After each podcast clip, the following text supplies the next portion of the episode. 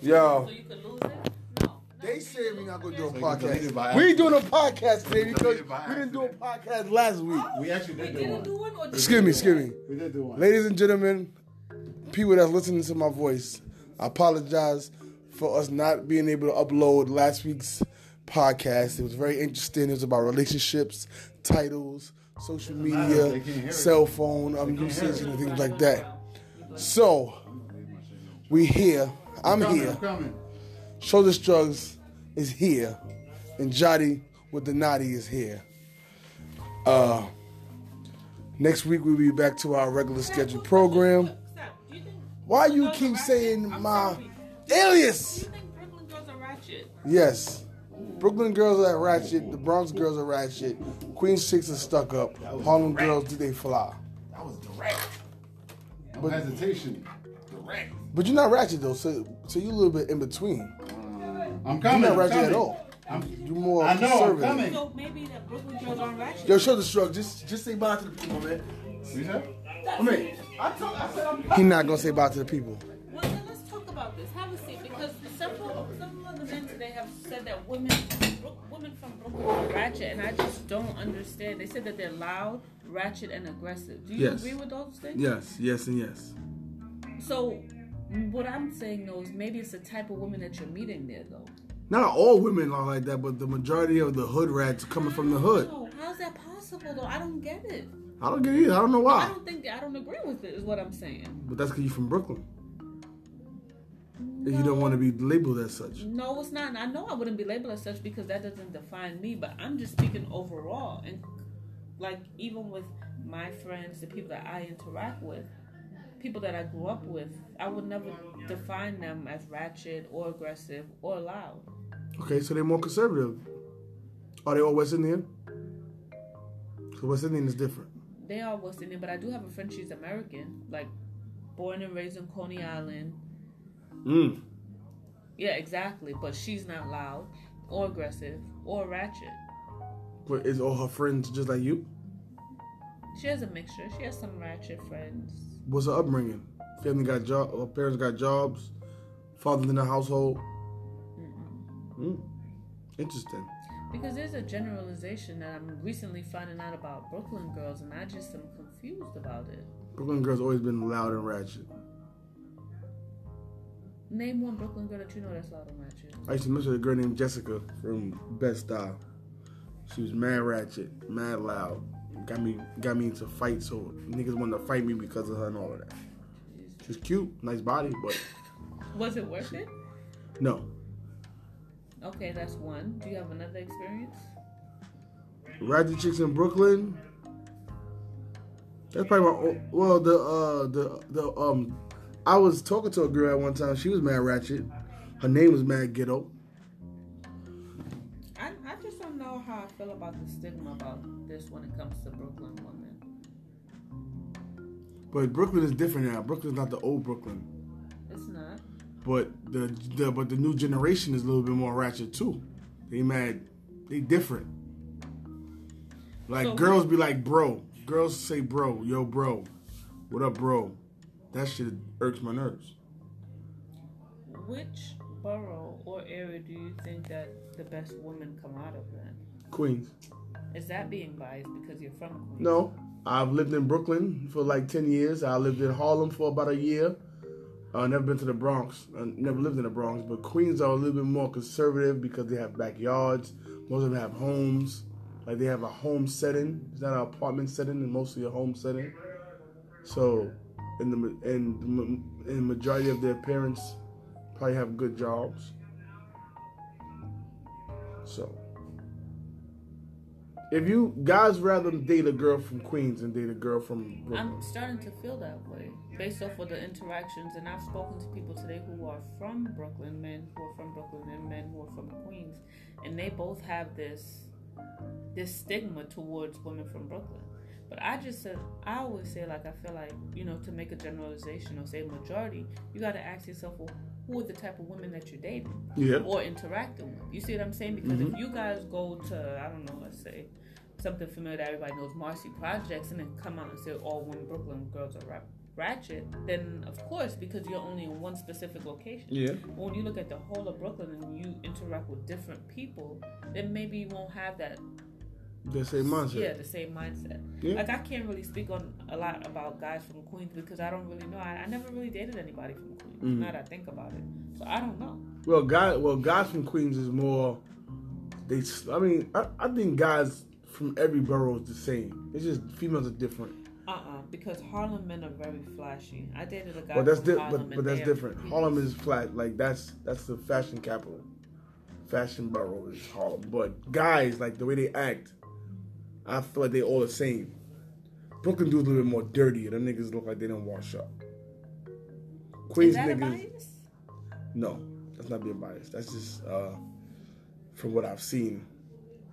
Niggas be, they, they be looking like they dirty. Then you got Queens niggas be thinking they they fly, but they not fly. They don't know how to get fly, but they did, but they did they fly because they match a little bit. So why doesn't anyone talk about Staten Island or the Bronx? They don't count. What is city? Yeah. Is Harlem the only part of the city? Yes. Why don't they count? Because it's more diverse. So it's, it's like a mixture. It's like a melting pot. Brooklyn is a melting pot. Not really. Brooklyn, now the new Brooklyn is like, you know, they got more white people because of gentrification, but Brooklyn but still has its West Indian roots, still has its black, black roots. It's just more white, there's more white people running and walking dogs. Yeah, and certain areas, but I feel like for the most part, like where I grew up in East Flatbush, across the street, my grandparents' neighbors were Italian.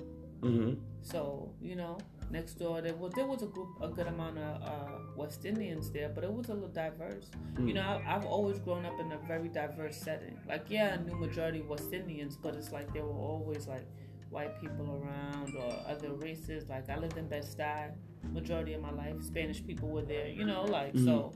I mean, I think Brooklyn is the melting pot, probably more so now than before. Yeah. yeah. So you were right on that aspect. I don't know. I just feel like your your perspective is going to be different from where you grow up from, like from how you grew up, parents in the household, jobs, not having to be on welfare or not having to, you know, have to want for things. I agree because I feel like your demographic shouldn't define that because if it was up to my demographics then I would be labeled ratchet. I grew up in Best Buy in the 90s. Mm -hmm. And you know what I mean? But it's like Yeah, but you've seen things cuz you cuz you moved away, you lived in different states. So you mm you know you get to see other cultures and I things like that. that. Makes sense. If if a person never been anywhere, they only know Brooklyn. You're right. They don't they, they don't they barely go to Manhattan. They never That's been to the Bronx. Then they don't know what what it is. I notice a lot of people they really don't vouch voucher red voucher, venture out to different even boroughs. boroughs. Yep, nope. Like I know somebody who's literally they've only been lived in Brooklyn their whole life. They don't go to the city, never been to Queens, never been to it's just mm -hmm. which is weird to me though. Some some people just don't know. They never been but, to Long Island. They don't even know about Nassau County and, and, and, and, and Valley Stream and stuff like that. They never even been to Green Acres Mall. That's crazy. People don't travel. People never been to, to Staten Island.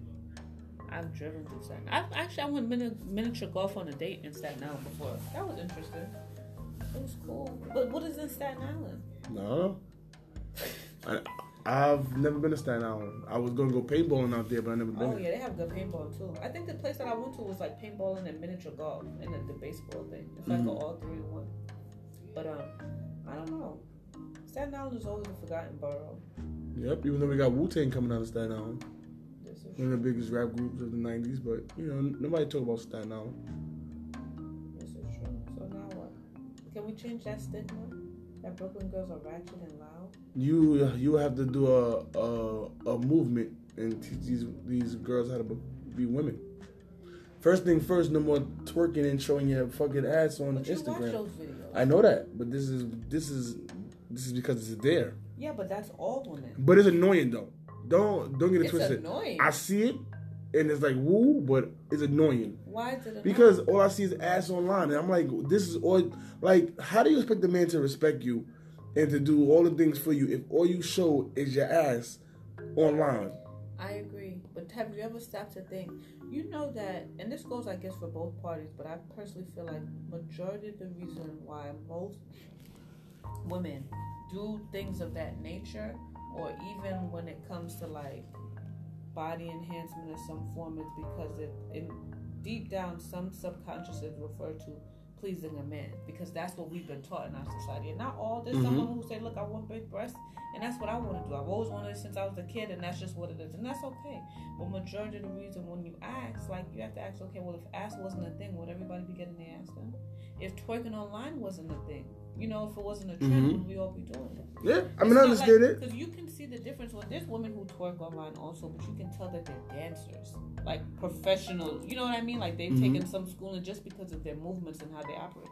Most people are just dancers, but then you can also tell when sometimes things are being done for attention. Most of them are doing it for attention. But you're giving them that attention, so how can you fault them? I I just say that it's a that that is annoying. So why watch it? For I've example, been I've been unfollowing a lot of girls though. Okay. But again, it it, it is entertainment, but I don't see like there's nothing wrong with doing it. But if I go to your Instagram page and that's all you have is your body, your body, your body, you're not you're not showing no kind of intellectual part about you at all. You're not showing that you have any kind of worldly views or nothing. You that's all you like all you do is your body. Maybe that's all that she feels like that she has to offer. Then that's sad yeah but it's it's so easy to say well it's sad and you should do better and all of this stuff but you got to remember let's say she's had that body since she was like 14 years old and most men only spoke to her because of her body mm -hmm. and if she doesn't have that structure and that that self-esteem there to let her know that she's more than that then what do you think would happen You always showing her stuff online. But this is what I'm saying. It's so easy to condemn and to judge and to say, well, no, she should only be twerking. But maybe that's literally all she knows. And maybe it takes somebody, whether it could be you or me, to come out the blue and say, you know what, baby girl, you worth more than that. You know what I mean? Like, you are a good artist or a fashion stylist or could potentially be a doctor. You're good with people, like different things. Where it's like, sometimes we don't have, we don't always have that structure for us to have that inner truth to know what we are. Sometimes it helps what other people show us a different way. Mm. If a girl is twerking all day long, feeling like that's all she has to offer to men, maybe that's because that's all. It must be hard having a fat ass. I promise you, I'm grateful that I don't because it's like women. That's look at the attention that you get every day. All day. And if you are not structured, and when I say structured, I mean like your your self-esteem is sound and your you, your worth is sound, then it's easily to get manipulated or fall into that trap of well, my body's all that I have to offer. Mm -hmm. You know what I mean? So it's like, can you really fault them? So are you trying to say that I gotta go on every single one of these girl pages and be no, like, I'm not saying you worth it? Captain Save a hole. Because I feel like th this was this is my no, new mission in life. I'm not saying, and it could be. It I don't want to do the though. Well, you don't have to. You don't have to. But what I'm saying is just be open to it. It's so quick, just like even with men, they're so quick to call women hoes and all of this stuff. But there may be women out there who just like having sex with multiple men. There may be women out there that love the feelings of different dicks. There may be women out there who felt like that's all once again that she has to offer. So that's why she give it. She mm -hmm. may not even like having sex, but she do it because that's you know what I'm saying. So so many different aspects to it, then it's like for us to categorize it, it's like we don't know why she's doing what she did. You're right. Well, guys, we wasn't going to do a podcast. We wasn't going to do a podcast, but obviously we did a podcast, and it and we um touched on a few subjects. We hope you um enjoy what you're listening to. Please leave your feedback, leave a message. Definitely hit the applaud button, and uh yeah on to the next one. You should do like some type of um I don't know, but you're really good at this. She said I'm good at. Jody said I'm good at it. So you guys leave your comments, message, and definitely hit that applaud button, and we'll catch you on the next one. Good vibes. Hashtag good vibes. Hashtag OT podcast show. We're gonna make this joint worldwide. Peace. Adi, do you want to say bye? I said Adi, but her name is Jotty with the with, with the naughty. She said she said later, and and, and she waved her hand. Uh, side note, she waved her hand. Bye y'all.